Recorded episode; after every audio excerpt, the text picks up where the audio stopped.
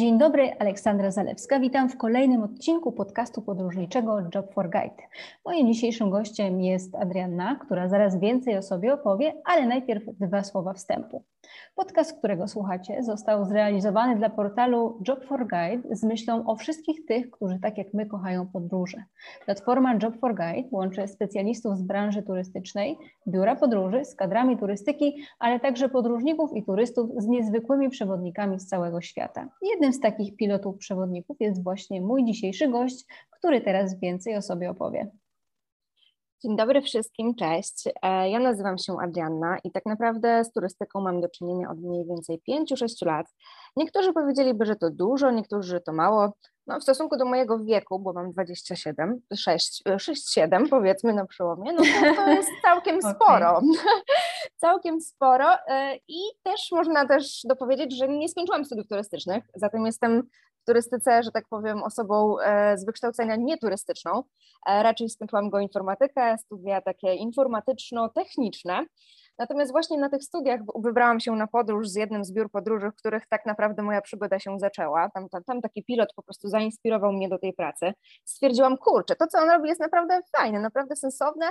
Mówi bardzo dużo takich ciekawostek, merytorycznie jest świetny. No ogarnia grupę całą, tak, te 60 osób, która z nami była. Wycieczka trudna, no bo objazdowa, pięć stolic europejskich.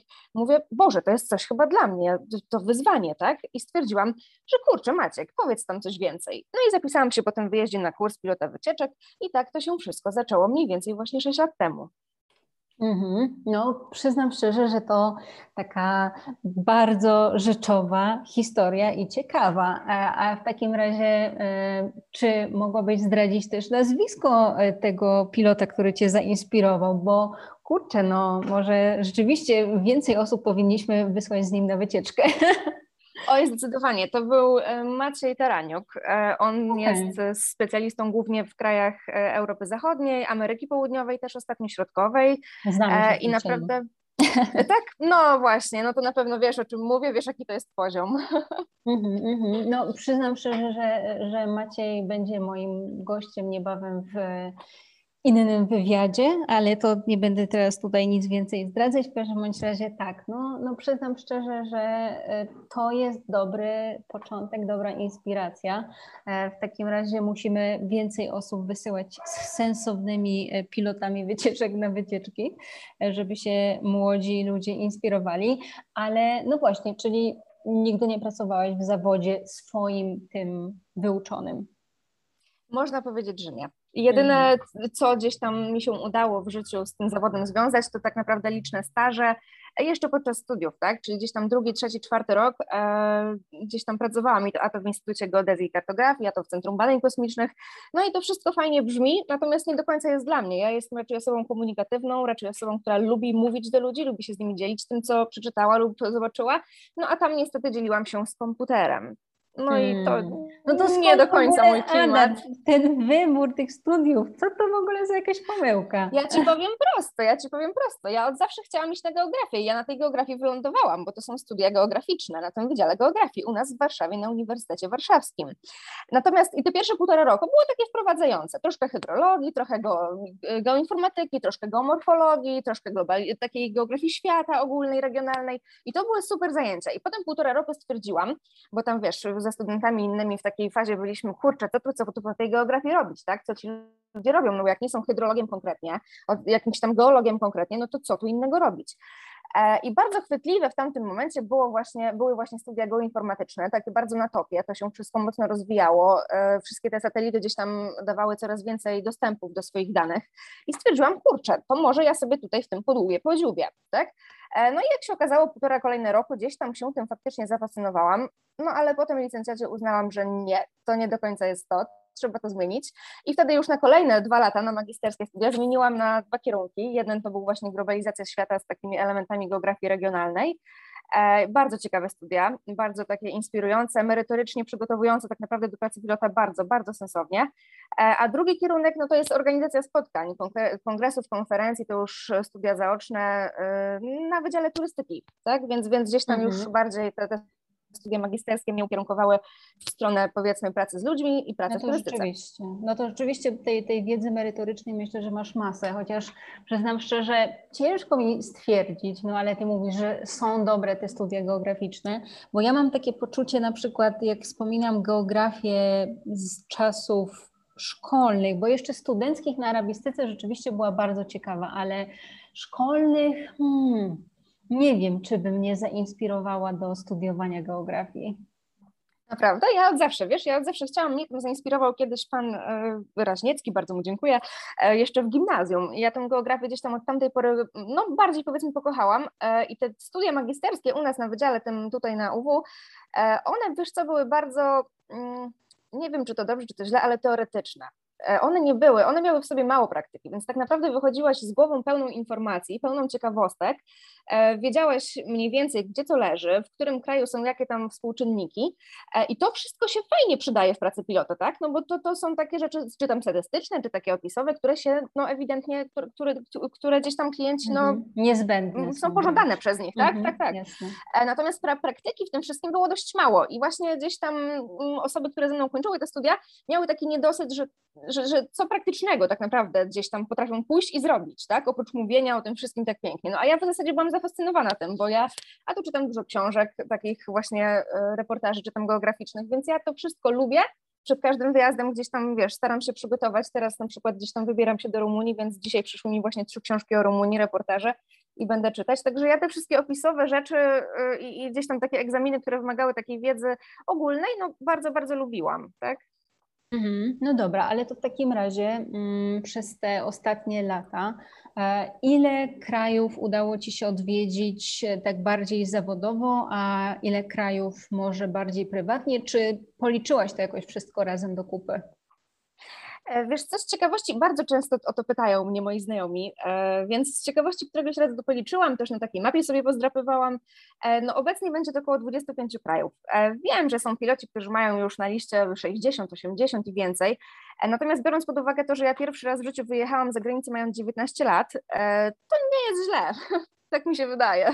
Mm-hmm. No tak, tym bardziej, że jak też wielokrotnie tutaj wspominamy z naszymi kolegami z branży, to nie chodzi o ilość pieczątek w paszporcie, a tak naprawdę jak dobrze poznajesz dane miejsce, dany kraj, daną kulturę, nie? Oczywiście, zdecydowanie. Każdy mhm. ma swoje, powiedzmy, top, top kilka krajów. No, w moim przypadku są to kraje skandynawskie. E, I ewidentnie tutaj moje serduszko e, mocniej bije do Norwegii.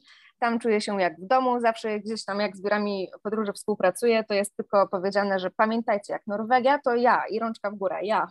Okej, okay. ale to w takim razie co takiego jest w tej Norwegii, że ona Cię tak mocno fascynuje? Bo przyznam szczerze, że ja na przykład do Norwegii jeszcze nie dotarłam, bo o ile loty były no niezwykle tanie, bo tak naprawdę loty do Norwegii są przerażająco tanie, e, no to już e, rzeczywistość norweska jest przerażająco droga. No tak, i powiem Ci szczerze, że tak, witam tych, e, powiem Ci tak, jak witam moich klientów na pokładzie autokaru. Witam Państwa w najszczęśliwszym, najbogatszym i najpiękniejszym kraju świata. I myślę, że to są trzy słowa, które ten kraj doskonale opisują i, i że tak powiem, no moje nastawienie też do niego. E, trudno mi odpowiedzieć na pytanie, co mnie, o jednej rzeczy, która mnie w tym kraju urzekła, tak? Na pewno będzie to przyroda i podejście do tej przyrody, którą dopiero my zaczęliśmy jako ludzie doceniać powiedzmy w ciągu ostatniego roku, tak? Dopiero wtedy gdzieś tam tutaj nasze lasy, nasze takie domki poza miastami stały się dla nas taką ostoją i takim miejscem, do którego faktycznie chcemy uciekać. E, no w przypadku Norwegii to jest na porządku dziennym, tak? Tam dzieciaki zamiast iść e, zamiast robić to, co u nas robią dzieciaki w gimnazjum czy liceum, po prostu spędzają czas na świeżym powietrzu, wspinając się, chodząc. E, przedszkola są tworzone na górach, na wyspach, e, tak samo szkoły, także tam jest nawet w ogóle określona liczba godzin, jeżeli chodzi o przedszkole, ile, ile dziecko musi spędzać na dworze. E, także gdzieś tam to podejście do przyrody, które no, no, zdecydowanie mnie urzekło, tak? bo sama uwielbiam spacery, gdzieś tam patrzeć na zielony, co też uspokaja i, i gdzieś tam to, to na mnie mocno wpłynęło samo to, że w Norwegii jest też mało ludzi. Wiesz, e, u nas w kraju są wiecznie korki, przynajmniej no ja mieszkam w dużym mieście, więc kojarzy mi się ono e, z korkami, z pędem takim ogromnym, tak? Wszyscy do metra, z metra, wszyscy do tramwaju, z tramwaju. Tam tego nie ma. Pewnie dlatego, że kraj powiedzmy powierzchniowo jest podobny do powierzchni Polski, e, no ale jeżeli chodzi o liczbę ludności, no to ma zaledwie 5,5 miliona ludzi, tak, więc no tutaj porównywać to jest naprawdę trudno, a nawet nie wiem, czy się da i ma to mhm. sens. No tak, no jak porównamy to z Indiami, w których ja mieszkam, gdzie jest półtora miliarda, to... No, no, no dokładnie, no. dokładnie, no to moja droga, dwa krańce po prostu, to się dobrałyśmy, ze skrajności jakieś, w skrajność. To jakieś takie, wiesz, małe miasteczko, coś bardziej, ale wioska, nie? Mhm, no, no. No dobra, ale powiedz mi, no bo e, ty uwielbiasz ten kraj, ale czy on jest popularny w ogóle wśród polskich turystów i podróżników, bo no nie wiem, szczerze powiedziawszy, nie wydaje mi się. E, nie, są to osoby, które z reguły już e, więcej w życiu widziały. Mam na myśli, były w Grecji, były w Turcji, e, zwiedziły jakieś tam, powiedzmy, Hiszpanię, Portugalię i dopiero ruszają na północ. Nie jest to kraj pierwszego wyboru, zdecydowanie.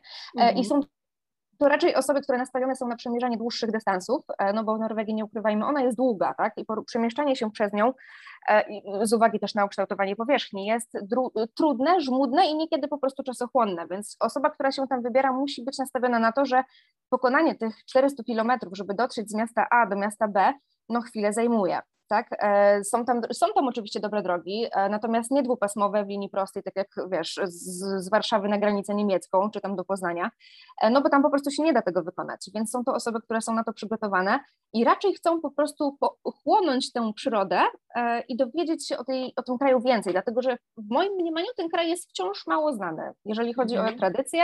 No właśnie o ludzi, o nastawienie, o takie stereotypy, które gdzieś tam mamy. No bo powiedz, z czym ci się kojarzy Norwegia? Z fiordami. Bardzo, bardzo dobrze, bardzo dobrze. Dziękuję. bardzo dobrze. No a jeżeli o fiordach już mówisz, to, to tak. Ale to czekaj, czekaj, to, to, to, z hmm? czym się ludziom kojarzy Norwegia? Że powiedziałeś, że Zimno, ponuro, zimno, ponuro, depresje, liczba samobójstw, e, wycofani ludzie, nie można z nimi w ogóle złapać kontaktu, e, tacy wręcz alienujący się od rzeczywistości, nie mili, bo nie ustępują na przykład miejsc w autobusie, e, nie wiem, nie mówią przepraszam, dziękuję. No faktycznie jest to naród troszeczkę wbity w ambicje, ma, ma do tego powody, ale, ale nie do końca tak jest, jak się to przedstawia. Norwegia jest zimna, faktycznie, natomiast w miesiącach powiedzmy od maja do czerwca, jeszcze dwa lata temu, bywało tam i po 30 stopni, bo chodziłam tam w krótkich spodenkach, pocąc się po prostu w autobusie, które nie były przygotowane na to, że tam trzeba włączyć klimatyzację. E, więc no, wszystko ma swoje dwie strony, powiedzmy. Mhm. No ale tak, ale Skandynawia ma tą specyfikę, że ta pogoda i ten klimat nie tyle się zmienia w ciągu roku, co w ciągu dnia drastycznie, naprawdę drastycznie, moim zdaniem, przynajmniej z mojego doświadczenia w Szwecji. E, fakt, natomiast e, jeżeli chodzi o Norwegię, bardziej powiedzmy tę kontynentalną, jeżeli można tak powiedzieć, no bo ona jest długa, ale powiedzmy na wybrzeżu Europy, tak, tak wyobraźmy to sobie, e, no to po tej stronie bardziej wschodniej jest, powiem Ci, ta pogoda jest dość taka sensowna, tak, taka podobna. Jeżeli chodzi bardziej o te wybrzeże takie, no już powiedzmy przy morzu, tam gdzie właśnie okolice Bergen jest, no to tam ta pogoda faktycznie bywa zmienna i nigdy nie wiadomo, czy będzie padać, czy nie. I mówi się nawet, że samo miasto Bergen to jest miasto deszczu, gdzie po prostu ponad 300 dni w roku leje deszcz, no to powiem Ci, że na nie wiem ile grup tam tych norweskich miałam, może z 30, może ponad, e, może z dwa razy mi padało. Także mhm. gdzieś tam mam to szczęście do tego, gdzieś tam mam to szczęście i wszyscy no, się pytają drodzy, właśnie... drodzy słuchacze, jak chcecie mieć pogodę w Norwegii, musicie jechać z Adrianą. tak, tak, tak, zdecydowanie, naprawdę zdecydowanie, bo, bo coś w tym jest. E, wszyscy jak mnie pytają, gdzie w tej Norwegii ewentualnie mogłabym mieszkać, bo też był taki pomysł w moim życiu prywatnym, e, z tego powodu gdzieś tam też zaczynałam uczyć się języka norweskiego i tak dalej, to właśnie podawałam Bergen. I wszyscy się dziwili, przecież tam ciągle leje. Ja mówię, kurczę, no co chwilę tam jestem i jakoś, jakoś nie leje. Mhm. No ale dobra, to powiedz mi w takim razie taką rzecz. E, myślę, że Norwegia gdzieś tam wśród nawet takich e, samodzielnych podróżników jest popularna jako właśnie taki kraj na wypad, na przykład do stolicy na weekend. No bo są te loty, są te tanie loty, tak? E, no i mhm. budżetowo też trzeba to jakoś sensownie sobie zorganizować, a nie jest to tani kraj. E, jak to wygląda z Twojej perspektywy, żeby zobaczyć Norwegię, ile czasu, jaki budżet, co e, powinno się w takim programie znaleźć? O matko, zadałaś mi teraz bardzo trudne pytanie. Ile czasu? E, jeżeli ktoś chce zobaczyć Norwegię e, takim okiem, powiedzmy, tak ją liznąć, tak? Czyli wszystkiego po trochę, to tak naprawdę polecałabym wycieczkę, którą po, proponuje e, Hurtigruten. To jest taki statek, który płynie mm, po wybrzeżu, że tak powiem, tym wschodnim e, i zatrzymując się po prostu w poszczególnych punktach, więc wtedy mamy szansę zobaczyć i przyrodę, i, i, i gdzieś tam te miasta i to trwa mniej więcej 8 dni. Przy okazji taka ciekawostka, mają, obiecują, że na pokładzie zobaczymy zorzę polarną. Jeżeli tego nie zrobimy, no to zwracają pieniądze, także do odważnych świat należy. no to także tego typu wycieczka i ona trwa 8 dni, tak? E, natomiast powiem szczerze, że w samym Oslo czy Bergen, no bo to są powiedzmy dwa te większe miasta, no Oslo jako stolica tutaj się plasuje, chociaż no mówię, przy 5,5 milionach to mieszka w nim około 600 tysięcy na obrzeżach, może jeszcze troszkę więcej, więc w całej aglomeracji ciut więcej można by powiedzieć, e, no to to jest 2-3 dni, jak dla mnie, tak? Bez spektaklu w operze, która jest bardzo znana, e, to, to da radę te, te, to miasto odwiedzić w 2-3 dni. Bergen bardzo podobnie, E, natomiast mówię, tutaj dystanse mają duże znaczenie, więc na przykład, e, no nie wiem, tak jakbym Ci mogła powiedzieć, jakbyś chciała polecieć do Oslo tanią linią, e, na Oslo poświęcić 2-3 dni, następnie z Oslo przemierzyć, przedostać się na wschód, na zachód, przepraszam, czyli do Bergen, E, no to pociąg jedzie mniej więcej 5-6 godzin, e, jesteś w Bergen, no i tam też 2-3 dni, tak? Natomiast wtedy miejmy tę świadomość, że no tej przyrody i, i tych fiordów to tak zobaczymy no za okna pociągu tak naprawdę, więc jednak mhm. no jest to trudne. Wycieczki autokarowe, które ja zwykłam prowadzić, e, one mają więcej, powiedziałabym, przyrody, czyli mają więcej widoków na lodowce, na wodospady, zahaczamy o 4 czy 5 fiordów, tych, które są najważniejsze w Norwegii, E, miasta też mamy, tam Fredrikstad, e, Oslo, właśnie Bergen, e, Flom, ale to są miasta takie mm, tranzytowe, przelotowe, w których też nocujemy, tak, żeby gdzieś tam poznać też historię taką bardziej no, związaną z polityką, no to te miasta gdzieś tam się przewijają. Natomiast tutaj w wycieczkach do Norwegii głównie chodzi o tę przyrodę, więc trudno mi powiedzieć, a biorąc pod uwagę to, że na północy nie byłam, co bardzo mi się marzy, to tak naprawdę znaczy, bardzo trudno mi odpowiedzieć na to pytanie, bo ja do tej Norwegii mogłabym wracać mhm. ciągle i mam wrażenie, że ciągle byłoby mi mało, więc y, gdzieś tam tak, żeby ci podać w, w dniach, to, to, to nie, no, nie umiem tego zrobić po prostu. Mhm. No dobra, ale jak to w takim razie zaplanować sobie budżetowo? Um, to też jest bardzo dobre pytanie. Norwegia jest droga, tak, tak, faktycznie jest droga, więc o ile uda nam się znaleźć tani lot nawet w okolicy 100 zł już, e, gdzieś tam do Oslo czy do Trondheim, był taki moment, że do Trondheim były bardzo tanie loty, e, o tyle noclegi są dość e, drogie, tak, i, i nie jest tam też rozwinięte tak mocno w tych miastach, żeby móc z nich wyskoczyć do tej części przyrodniczej. Boże, jak to się nazywa, co się wynajmuje pokoje przez taki portal, wypadło mi z głowy. Airbnb. E, Airbnb właśnie nie jest do końca tam tak rozwinięte, stąd też bardzo dużo moich znajomych nocowało gdzieś tam e, w namiotach, to jest bardzo popularny, e, popularny sposób. Zdarzyło mi się nawet, że trafiono na noc w Ikei, podczas której można było nocować w Ikei, zdarzyło mi się, mm. że można było nocować w kościele właśnie Trondheim, więc różne, różne miejsca, natomiast najoptymalniejszą jest moim zdaniem namiot, gdzieś tam miesiące maj, E, koniec października, dlatego że w Norwegii planuje, panuje takie prawo Almonsretten, ono się nazywa, e, i to polega na tym, że możesz rozbić swój namiot e, w dowolnym miejscu, jeżeli nie przeszkadza to właścicielowi danego terenu. Jeżeli to jest zbyt blisko zabudowy, no to trzeba wówczas o taką zgodę zapytać, tak? Natomiast generalnie rzecz biorąc, możesz rozbić ten namiot wszędzie. Wyjątkiem z tego, co w zeszłe lato gdzieś tam się okazało, są miejsca, w których żerują zwierzęta, tak? Więc w parkach mhm. narodowych, tak mhm. głębi, gdzie na przykład są stada reniferów dzikich, a są jeszcze w Norwegii takie miejsca, e, przy na przykład e, górach Rondane, no to, to, to niekoniecznie można tam zanocować. Natomiast generalnie, jeżeli chodzi o terytorium, to, to, to droga wolna i, i e, należy decyzja do osoby, która zwiedza, tak? Mhm. No dobra, to rozumiem, ale to w takim razie, mm, no powiedziałeś, że mm, mieszkańcy kraju są mało przyjaźni i że wynika to z czego to wynika? E, czy tak naprawdę, no nie wiem, da się jakoś przełamać te lody z nimi, czy mm, no niestety dla nich taki turysta to jest taki jakiś intrus? Jeżeli chodzi o Polaków, to sytuacja jest w ogóle specyficzna, e, dlatego że my jesteśmy tam największą mniejszością e, i tak naprawdę zawsze się śmieję, mówiąc do turystów, że w Norwegii mieszka 5,5 miliona ludzi, a te 500 tysięcy, czyli ta końcóweczka, to jesteśmy my.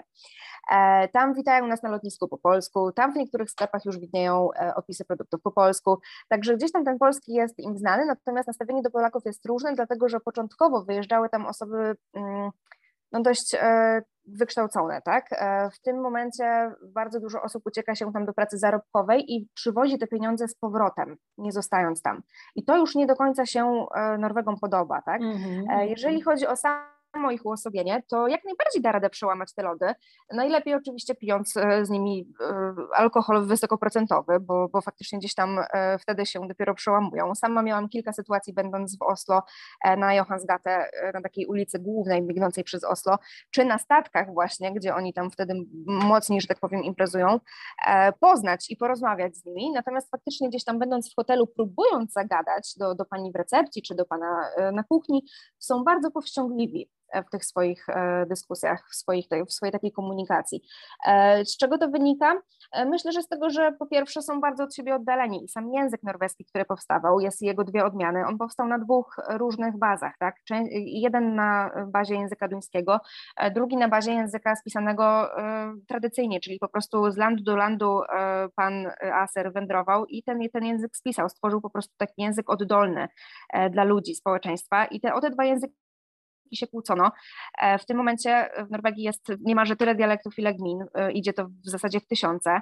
E, sama obserwowałam fakt, że osoba, która jest z głębokiej północy, z osobą, która jest z południa, nie do końca w hotelu się dogada, mimo tego, że i to Norweg, i to Norweg. Więc sama byłam zdumiona po prostu siedząc gdzieś tam w mm, sklepach czy na recepcji, obserwując ich, tak, i po prostu automatycznie przechodzą na angielski. W tym kraju niemalże 99%, jak nie 100, zna język angielski i potrafi doskonale się w nim posługiwać.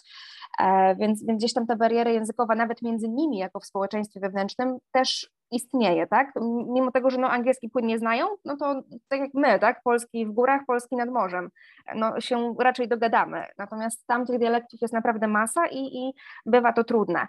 E, z jakiego powodu jeszcze? Wiesz co, myślę, że oni mają taki stosunek e, troszkę wyższości w stosunku do innych. Są tacy troszkę zarozumiali, E, gdzieś tam, no, ja do tego przywykłam, znając tam kilka dziewczyn, czy, czy gdzieś tam kolegów, których mam. E, natomiast są tacy, że woda w Norwegii to jest lepsza niż, niż gdzieś tam w innych krajach. Jak jadą do innych krajów na wakacje, no to, to jest fajnie przez 7 dni, ale i tak wolą wrócić do siebie po 7 dniach i jeszcze pójść na 7 dni na swoich warunkach, na swoich zasadach, w swoich tam hyttach położonych w górach. Także no, gdzieś tam mają taki dystans po prostu. To, to nawet nie jest, że, że oni nie lubią, czy, czy że kogoś traktują jak intruzów, tak? bo jest to kraj bardzo taki um, pro, powiedziałabym, imigrancki, chociaż ostatnio to się y, troszeczkę zmienia, bo, bo powiedzmy w stosunku do Szwecji i jej poczynań Norwegia tak przygląda się bacznie e, okiem sąsiada. Mhm. Natomiast y, czy intruzi? Niekoniecznie. Bardziej bym powiedziała, że to jest taki wewnętrzny, narodowy dystans. Okej, okay. no dobra. A jak to wygląda z punktu widzenia kuchni norweskiej? E, no bo tak, znowu raczej nie będzie to tanie, żeby się wyżywić, e, ale jakie mamy w ogóle opcje? W Norwegii, e, no tak, kuchnia norweska, powiem Ci, ona ma bardzo dużo w sobie ryb, co, co jest oczywiście prawdą.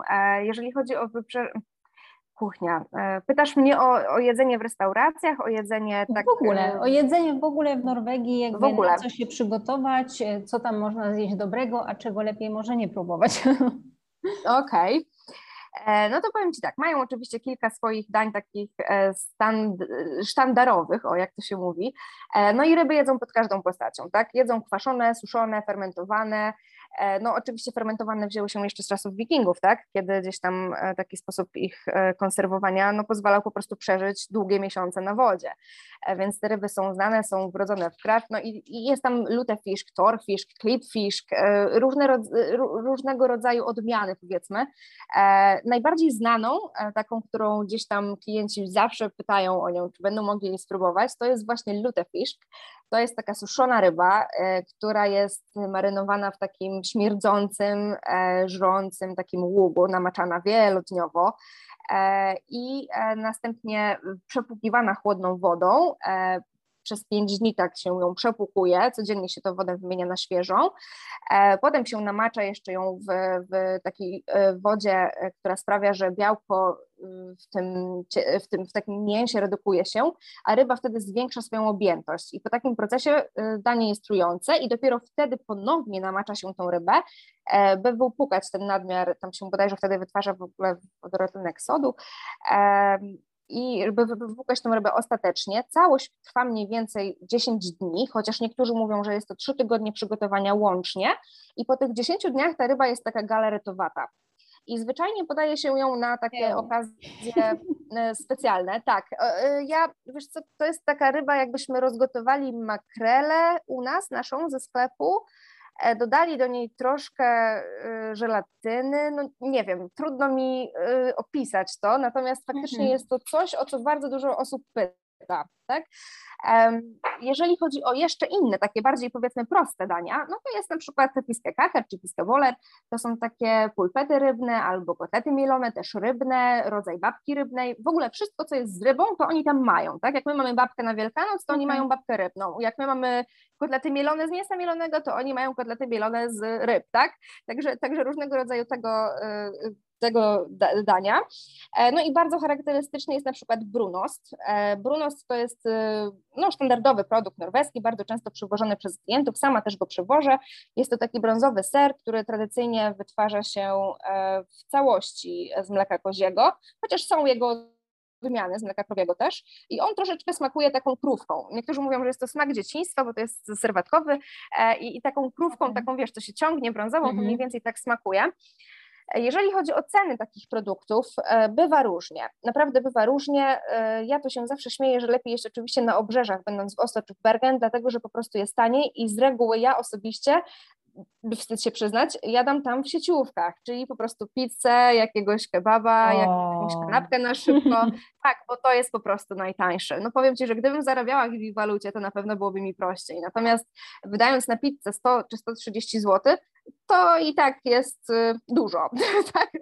dla mnie, na moją no kieszeń. Tak. No, dla, dla nich na pewno nie, natomiast dla mnie y, no, gdzieś tam jest, da się to odczuć.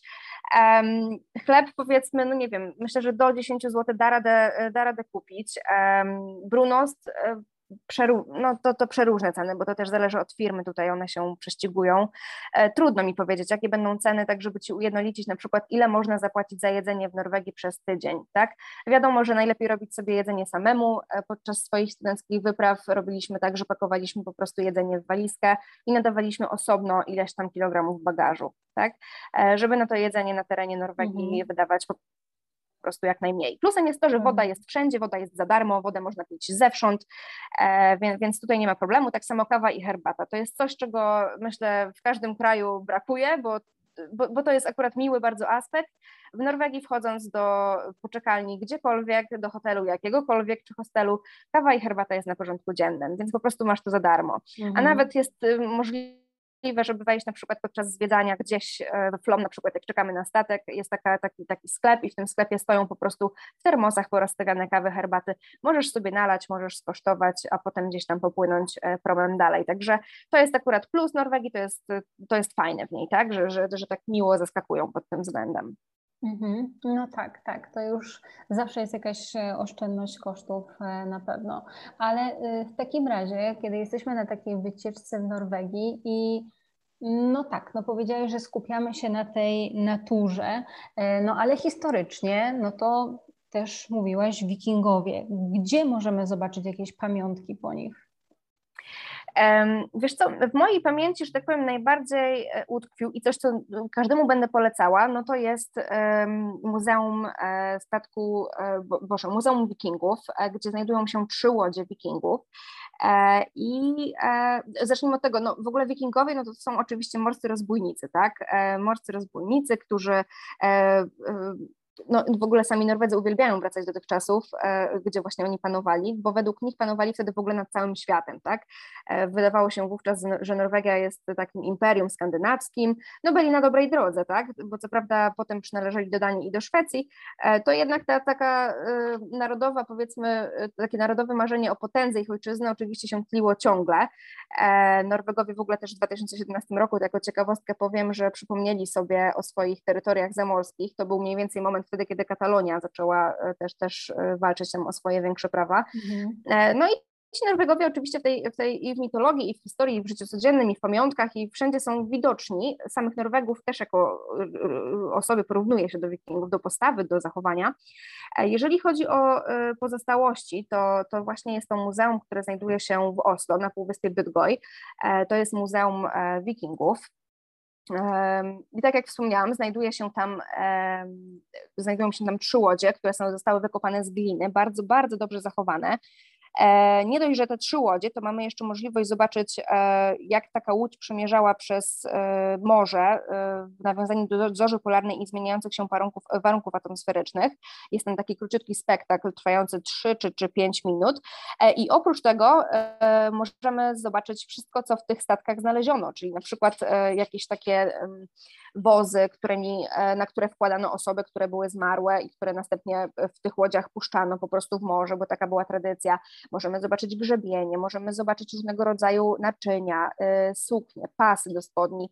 E, no naprawdę fantastyczne e, elementy. Y, w mojej pamięci najbardziej gdzieś tam są takie głowy charakterystyczne, to co pewnie kojarzymy wszyscy, e, takich smoków czy takich no, przerażających jakichś stworów, które wystają z łodzi, tak? One są tak wygięte, patrzą się w przód i, i tak majestatycznie, że tak powiem, groźnie mają wpływać na jakichkolwiek przeciwników.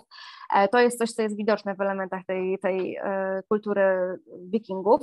E, no i, i samo muzeum jest po prostu świetnie zrobione, dlatego że jest przestronne, e, nie ma tam z reguły tłumów, wpuszczają tam oczywiście grupy, jak i indywidualne osoby. Tam jest przewodnik też, który może opowiadać, jest przewodnik, który może wyjść z zewnątrz z grupą i opowiedzieć wewnątrz. Są takie podesty specjalne zrobione, z których można obserwować te łodzie i wejść na górę, zajrzeć, jak wygląda ich wnętrze, no bo do samych oczywiście łodzi to, to, to nie da rady wejść tak, do środka. E, natomiast one jak najbardziej można w zasadzie ich dotknąć, więc to jest y, po prostu coś, co robi e, no, ogromne wrażenie, jeżeli chodzi o wikingów, tak? Mm. Mhm, I powiem Ci tutaj, przerwę od razu, bo muzeum, które ja po prostu uwielbiam, e, ze wszystkich muzeum, jakie, muzeów, jakie miałam okazję odwiedzić e, w Norwegii, to jest naprzeciwko niemalże, e, tam dwa przystanki, Muzeum Statku Polarnego Fram. I to jest o wyprawie Nansena, tak, który, który gdzieś tam przemierzył, poświęcone jest to muzeum w zasadzie historii gdzieś tam odkryć takich norweskich wypraw polarnych. E, kiedy to Fridtjof Nansen wziął udział w trzech e, ekspedycjach, tak, e, i, i chciał do, wyruszyć, że tak powiem, do Arktyki, Antarktyki, ten statek tak podróżował. I ten statek fizycznie możesz po nim pochodzić. I to jest fantastycznie zrobione. Jest to bardzo interaktywne muzeum, e, ma masę wystaw, ale sam fakt, że po prostu na ten statek możesz wejść i przejść w jego pokładzie, zobaczyć, gdzie były składowane wielkie e, takie baniaki z winem, gdzie była kuchnia, gdzie oni rozmawiali nad mapami, nad tym, gdzie płyną, to robi ogromne wrażenie. Statek mhm. fizycznie po prostu tam stoi. Postawiono go i dookoła niego dobudowano ściany muzeum, więc to jest zrobione fenomenalnie. I jak jesteś na samym pokładzie tego statku, na samej górze, to dookoła wyświetlana jest właśnie zorza polarna i zmieniające się warunki atmosferyczne i masz wrażenie, że ten statek razem z tobą po prostu kołysze. No muzeum genialne, naprawdę polecam y, ogromnie tam, tam zajrzeć. Mhm. No tak, to jest jakiś e, ciekawy rzeczywiście pomysł i bardzo alternatywny też bym e, powiedziała. No tak, no myślę, że o Norwegach wiemy już e, całkiem sporo. E, oczywiście, jeśli pojawią się jakieś e, zapytania od naszych słuchaczy, to będziemy Ci dawać znać, ale w takim razie zajrzyjmy teraz za kulisy Twojej pracy w turystyce, dlatego że staramy też się pokazać tutaj, wskazać w zasadzie bardziej naszym słuchaczom, że no taka praca mm, czasami bardzo przyjemna, ale czasami też bardzo trudna. Więc gdybyś mogła podać e, przykłady takich właśnie najtrudniejszych, najdziwniejszych, najśmieszniejszych czy najstraszniejszych sytuacji, jakie przydarzyły Ci się w ciągu Twojej kariery? Najtrudniejszych było kilka i znaczy kilka, kilka to kilkadziesiąt bym powiedziała, bo jak zaczynałam, to oczywiście wszystkim się mocno stresowałam i każda sytuacja, w której musiałam stawić czoła czemuś, czy to jest zależne ode mnie, czy nie, była, była po prostu dla mnie e, stresująca. W tym momencie już troszeczkę inaczej do tego podchodzę, no bo wiadomo, jest e, też inne doświadczenie, wiadomo, że na błędach człowiek się uczy, na doświadczeniach bazuje, wnioski wyciąga, natomiast faktycznie tych sytuacji, one się, one się zdarzają i myślę, że, że, że jak będę miała 40 lat i dalej będę pilotem wycieczek, to to one wciąż będą się zdarzać, tak? I nie ma tutaj sytuacji, która, że ja już mogę usiąść na krześle i powiedzieć, nic mnie już nie zdziwi. To jest bardzo popularne tutaj w naszym zawodzie, natomiast jakby cały czas będzie coś, ludzie się zmieniają, e, nowe pokolenia dorastają i, i gdzieś tam te sytuacje będą się zdarzały jak najbardziej.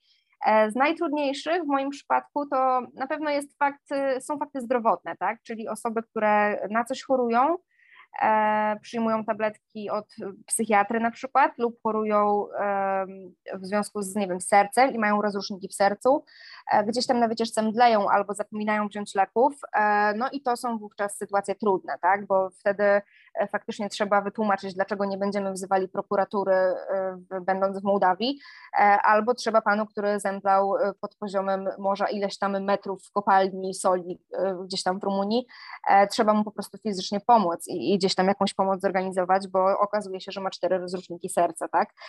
Także to, to są sytuacje mm -hmm. trudne dla mnie, chyba najtrudniejsze, e, bo oczywiście no nie mówię tutaj o licznych gdzieś tam reklamacjach na hotel, e, na, na baseny, podczas przejazdów, gdzie zawsze staram się wytłumaczyć, że jednak te hotele na takich objazdowych wycieczkach, no one nie mają takich form all inclusive, tak? E, natomiast no to, to, to, to gdzieś tam takie sytuacje powiedzmy znane każdemu z nas.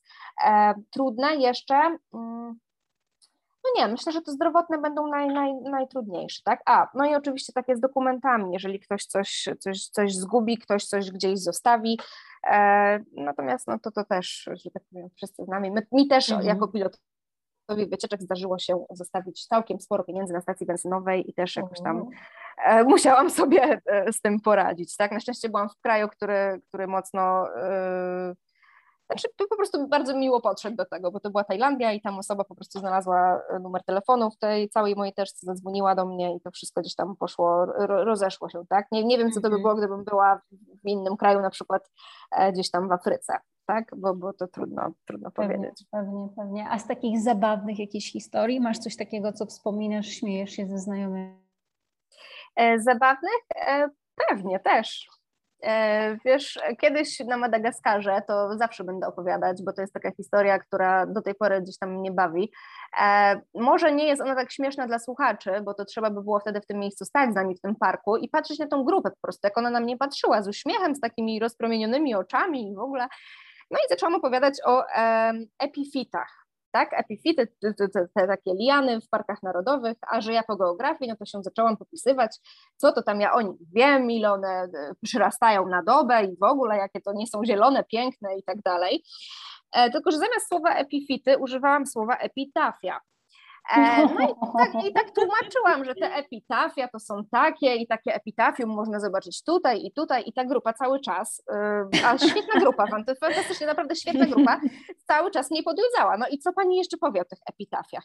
Co pani jeszcze powie? A takie epitafium to gdzie my zobaczymy? No i ja oczywiście twardo, no zachwycona, że mnie słuchają, wchodzimy w interakcję, opowiadam tak dalej. No i na końcu się właśnie okazuje, że ktoś przychodzi i idziemy, tak? W ogóle nikt się nie przyznał do tego. Gdzieś tam idziemy dalej i taki pan przyszedł i subtelnie mówi pani Ado, to są epifity. Ja mówię, no a, a co ja mówiłam? Pani cały czas tylko o epitafium. Ja mówię, Boże. No i, i, i, to była taka historia, która faktycznie gdzieś tam przejęzyczenie, e, to, to, była, to była śmieszna historia, tak. Także gdzieś tam takich słownych, e, to, to gdzieś tam no, no się zdarzają oczywiście. Mhm, jasne. No dobra, no dobra, chyba coś Ci jeszcze przychodzi do głowy, a jeśli nie, to powiedz mi jeszcze proszę, jak e, ta nieszczęsna pandemia wpłynęła na Twoją karierę? Powiem Ci, że nieszczęśnie. Naprawdę, nieszczęsna pandemia nieszczęśnie, hmm. nieszczęśliwie wpłynęła. Um, no cóż, ja tak naprawdę mniej więcej no, kilka miesięcy ładnych e, w zasadzie do teraz, od gdzieś tam końca marca zeszłego roku, czyli ponad rok już, matko, e, siedzę w domu, pracuję zdalnie przed komputerem, do tego gdzieś tam zmusiła mnie sytuacja, z małymi wyjazdami gdzieś tam e, takimi tutaj po Polsce, jedno, dwu, kilkoma dosłownie trzydniowymi. Za granicę wyjeżdżałam raczej prywatnie w, w, tym czasie, gdzieś tam pozwiedzać to, co zawsze mi się marzyło, a nie było na to czasu, a też nie do końca z grupami, że tak powiem, mnie tam ciągnęło. E, także gdzieś tam od tego końca marca skończyłam. Skończyłam bardzo ładnie, bo wróciłam wtedy z Indonezji i to była grupa, którą gdzieś tam zorganizowałam e, samodzielnie, więc e, byliśmy tam trzy tygodnie.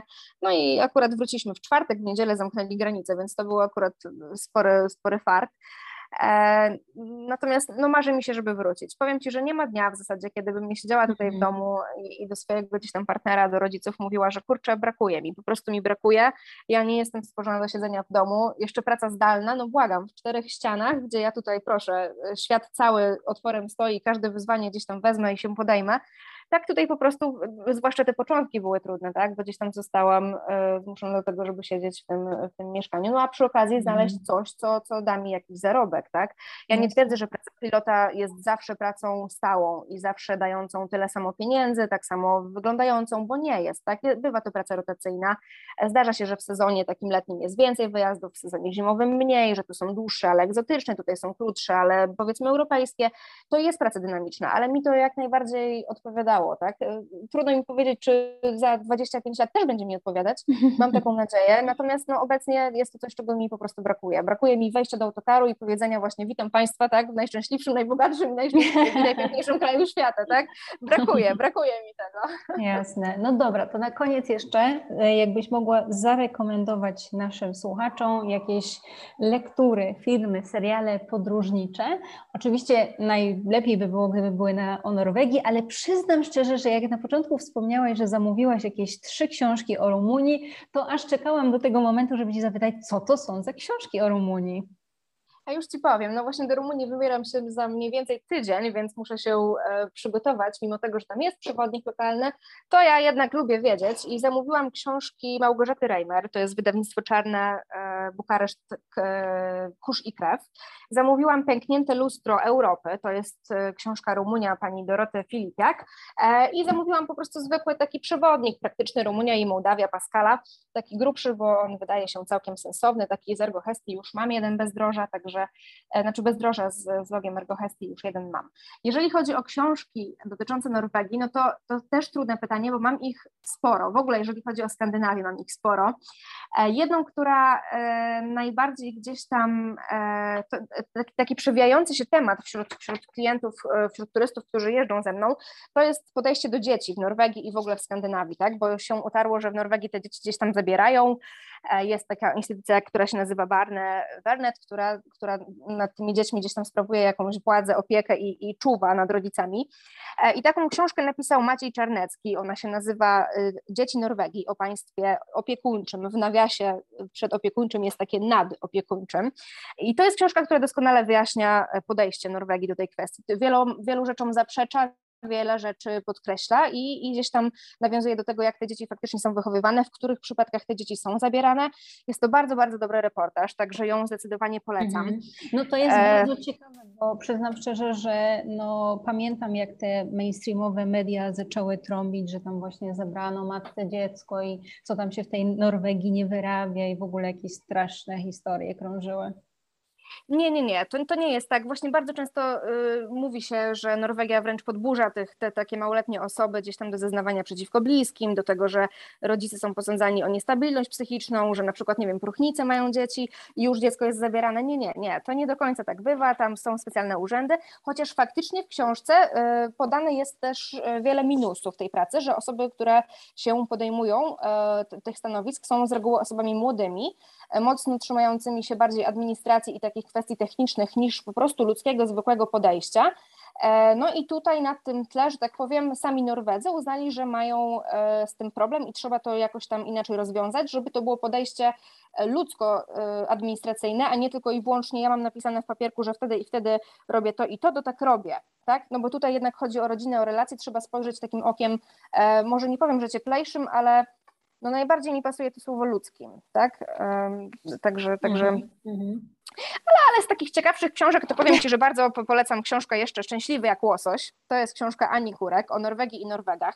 I z tej książki właśnie dowiemy się, dlaczego e, pani, pa, pan Ula Nordman, bo Ola pisane po norwesku czyta się Ula i to jest męskie imię, także to też taka ciekawostka. E, I pani e, Karin, e, może nie Karina, tylko zapomniałam imienia, widzisz, no niech będzie ten Ula Nordman, jakie ma swoje zwyczaje, jakie ma swoje stereotypy, gdzie pracuje, dlaczego je pewne rzeczy, dlaczego ważna jest dla niego ropa naftowa w kontekście emerytury i tak dalej, i tak dalej, dlaczego biorą te zwolnienia takie lekarskie i nie pracują, bo się pewnie czują. To jest taka książka z humorem napisana, bardzo, bardzo ją polecam, taka, taka wesoła i naprawdę dająca taki szeroki ogląd, tak, bo tam Maciej Czarnecki skupia się na jednym Coś cię, Ada, Ada, Ada, coś cię zaczęło rwać. A tutaj Ania... O, przerwało halo, cię. Halo? Gdzieś, gdzieś, cię, gdzieś cię zgubiłam. E, gdybyś. E, ale, dobra, ale mniej więcej myślę, że, że mamy już. A powiem Ci o jeszcze jednej, o jeszcze jednej, którą sprawił mi mój E, mój tutaj e, partner życiowy. To jest książka, która się nazywa, jest pana Piłka i ona się nazywa Raport z północy. To jest pan, który odbył e, kilka wypraw do Norwegii i każdą z nich opisał w kontekście tego, co się zmieniło. Więc to jest też bardzo ciekawa książka, jak właśnie Bergen wyglądało te 30 lat temu, a jak wygląda dziś. Jak tam się szło tą drogą troli 30 lat temu z plecakiem i namiotem, a jak idzie się dziś i staje się na pięknych, wyremontowanych podestach i patrzy się na wszystko z góry. Także to też jest bardzo, bardzo dobra książka. Mm -hmm, No dobra, no to już jakiś mam e, zestaw lektur na weekend. Myślę, że nasi słuchacze też. Może te lektury właśnie ich bardziej zachęcą do e, wybrania się do Norwegii. Ale powiedz, no bo nie oszukujmy się, nie wszyscy lubią czytać. Czy jakiś film albo serial, chociaż jeden mogłabyś polecić? E, wiesz co, film i serial. E, film jest bardzo dobry, dotyczący um, wioski Garanger. On się bodajże nazywa Fala, ten film.